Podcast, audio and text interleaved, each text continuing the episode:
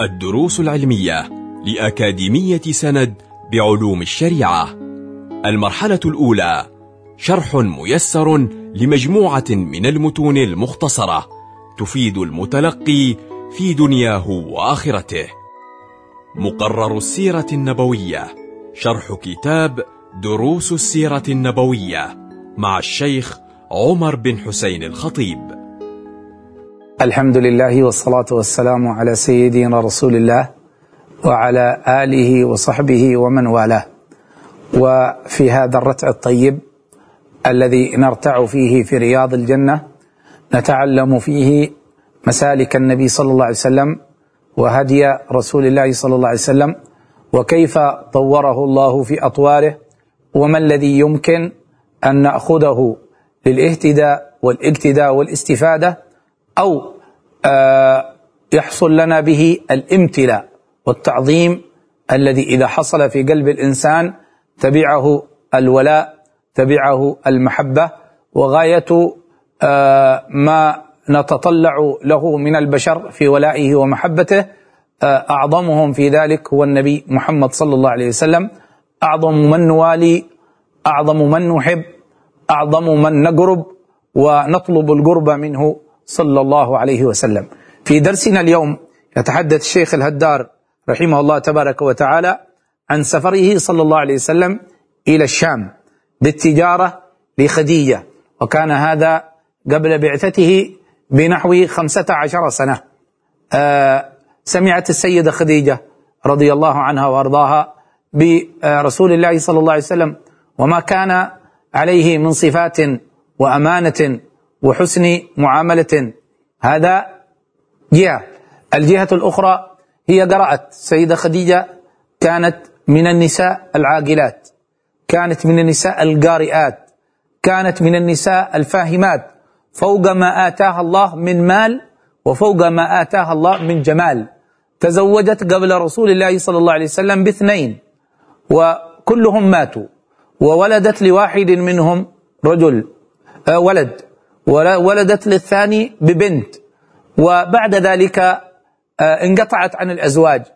تخطبها كبار القوم وعلياء القوم من أشراف قريش. لكنها رفضت الزواج بعد وفاة زوجيها السابقين. لكنها كانت تمني نفسها بأن تتزوج آه من تقرأه في الكتب. وسمعت كما ثبت في الحديث بعض آه علماء وأحبار اليهود. وقد مر عليها في آه جماعة من النسوة ويقول لهن من منكن التي تظفر بالنبي المنتظر؟ فعلق ضمن معلوماتها السابقة علق في ذهنها أن هناك نبيا منتظر ورجت أن تكون زوجة له. ورأت شيئا من هذه الصفات في محمد بن عبد الله. فأرادت أن تتأكد من ذلك. فمن ضمن أهدافها في تجارتها بعد التجارة أو قبل التجارة أن تتعرف تماما على رسول الله صلى الله عليه وسلم. ولذلك حرصت على أن ترسل معه غلامها ميسرة. وأخبرت ميسرة أن يخبرها بكل ما يرى وبكل ما يسمع من حال سيدنا محمد صلى الله عليه وسلم. يقول الشيخ في حكاية هذا الأمر كانت خديجة بنت خويلد سيدة قرشية سيدة قرشية ذات شرف وصون وعفاف ومال كثير وتجارة واسعة. فالسيدة رضي الله عنها كانت تجمع بين صفات الكمال. ولذلك لما تكلم النبي صلى الله عليه وسلم عمن كمل من الرجال جعل سيدتنا خديجة بنت خويلد رضي الله عنها من أعظم من كم من كمل من الرجال. ثم حدد من كمل من النساء جعل سيدتنا خديجة بنت خويلد من أول من تصدرت الكمال وصلت إلى الكمال الإنساني من النساء. خديجة بنت خويلد وفاطمة بنت محمد وآسيا امرأة فرعون ومريم بنت عمران. هؤلاء من أعظم من وصلنا إلى رتب الكمال الإنساني من النساء وكملت بعد ذلك نساء كثير ولكن هؤلاء النساء هن اللاتي ذكرهن النبي صلى الله عليه وسلم في ذلك الحديث. فلذلك قال الشيخ رحمه الله كانت ذات شرف وصون وعفاف ومال كثير تجارة واسعة تضارب في مالها. تضارب أي تشتغل بالمضاربة لا تخرج هي إلى العمل ولكنها تضارب الرجال فتأخذ من أموالها وتسلمه لمن يتاجر لها. لمن يتاجر لها على أن يأخذ ربحا يتفقان يتفقان عليه. فكانت تضارب في مالها بشيء تجعله لمن يتاجر لها. وهذا ما يسمى عندنا في الشريعة بالقراض أو المقارضة أو المضاربة. وهي من أفضل ومن أحسن أبواب المعاملات. قال الشيخ رحمه الله وكانت لبيبة حازمة كيسة عاقلة. لبيبة نبيهة حازمة. جازمة في أمورها كيسة بمعنى عاقلة. فلما بلغها عنه صلى الله عليه وسلم ما بلغها من صدق حديثه وعظم أمانته وكرم أخلاقه بلغها أن محمد صادق في الحديث عظيم في الأمانة كريم في الأخلاق. وهذا صفة التاجر الذي يرتقي مراقي العز وهو مسلم. يقول فيه النبي صلى الله عليه وسلم كما في حديث الترمذي وغيره التاجر المسلم الصدوق الأمين مع الشهداء يوم القيامة. في رواية مع الصديقين والشهداء يوم القيامة أو كما جاء عنه عليه الصلاة والسلام. فالصدق والأمانة في التاجر أساس متين عليها ربي رسول الله صلى الله عليه وسلم. الصدق ألا يقول إلا حق والأمانة تقتضي ضميرا يقظ ألا يفعل إلا ما فيه مصلحة. مصلحة. فإذا جمع التاجر في تجارته لنفسه أو في تجارته لغيره بهاتين الصفتين كان كانت هذه التجارة مقربة له إلى الله وليست مقربة قربا عاديا بل جاعلة هذا الإنسان يكون في مصاف الأنبياء مرافقة الأنبياء في مصاف الشهداء في مصاف الصديقين في مصاف الصالحين. كما جاء في الحديث عن النبي صلى الله عليه وسلم. ولكن صفة الصدق وصفة الأمانة من الصفات العزيزة الوجود وهي يسيرة على من يسرها الله عز وجل عليه. نسأل الله عز وجل أن يكرمنا بما أكرم به النبي محمد صلى الله عليه وسلم. قال الشيخ رحمه الله حتى كان يدعى بالأمين أي يدعى النبي صلى الله عليه وسلم بين الناس بالأمين لصدق حديثه ولعظم أمانته ولكرم إخلاقه صلى الله عليه وسلم. بعثت إليه. أي السيدة خديجة بعثت إلى رسول الله أرسلت إلى رسول الله ليخرج بمالها إلى الشام.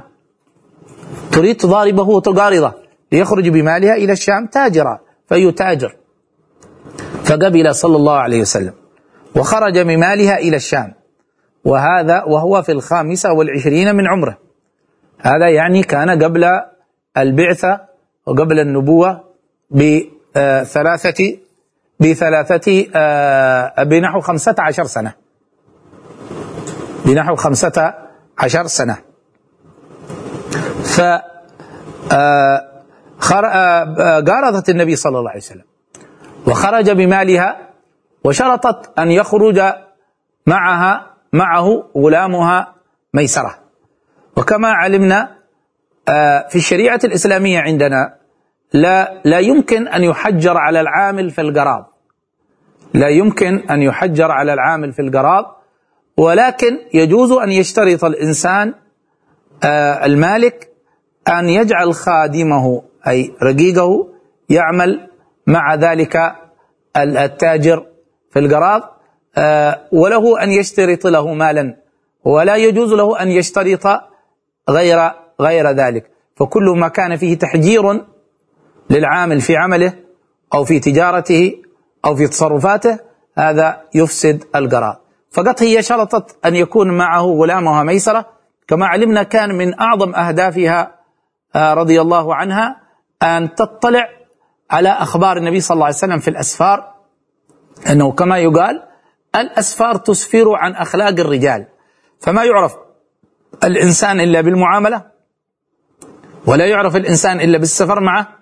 ولا يعرف الإنسان إلا بالمجاورة. هذه أسباب من أعظم الأسباب التي بها يعرف الإنسان في خلقه وأخلاقه وحلمه وأمانته وصدقه وغير ذلك. يعرف الإنسان وشجاعته وغير ذلك. يعرف الإنسان بهذه الأجيال قالت قال ولما بلغها أنه نزل في ظل شجرة قريبة من صومعة آه، راهب فاطلع الراهب إلى ميسرة وسأله عنه صلى الله عليه وسلم فأخبره بما يعرف من شأنه.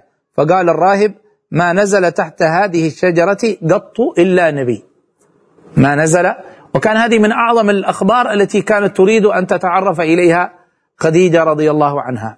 تعرف أن هذا الرجل هل هو فعلا النبي المنتظر في آخر الزمان؟ فأخبرها غلامها ميسرة بأن بأن بأنه نزل تحت شجرة وأن الراهب استدعى ميسرة. وقال له من هذا؟ قال فلان ابن فلان من قريش من مكة. قال عجيب ما جلس تحت هذه الشجرة إلا نبي. وكان النبي عمره خمسة وعشرين سنة.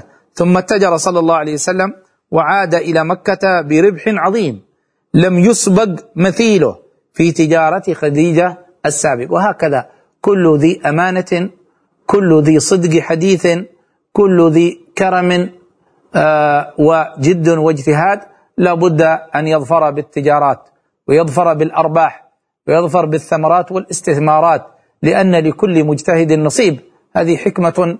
فكان رسول الله صلى الله عليه وسلم عاد لخديجة بأرباح لم يسبق لها مثيل في من قارضته من ممن سبق قبل أن تقارض النبي صلى الله عليه وسلم.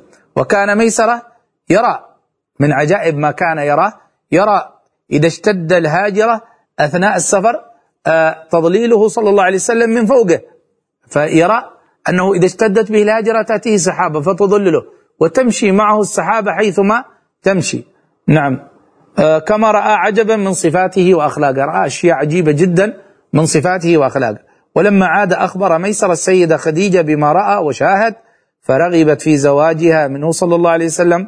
ولما علم بذلك أخبر عميه أبا طالب ويكون لنا حديث إن شاء الله عن شأن زواج رسول الله من خديجة رضي الله عنها وأرضاها. نسأل الله عز وجل أن يرزقنا حسن الاعتبار وحسن الادكار وحسن المتابعة. وصلى الله على سيدنا محمد وآله وصحبه وسلم.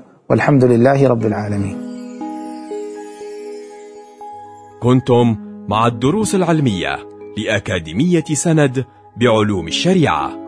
يمكنكم متابعة جميع الدروس عبر موقع الأكاديمية وتطبيقاتها الإلكترونية. سند علم سلوك دعوة.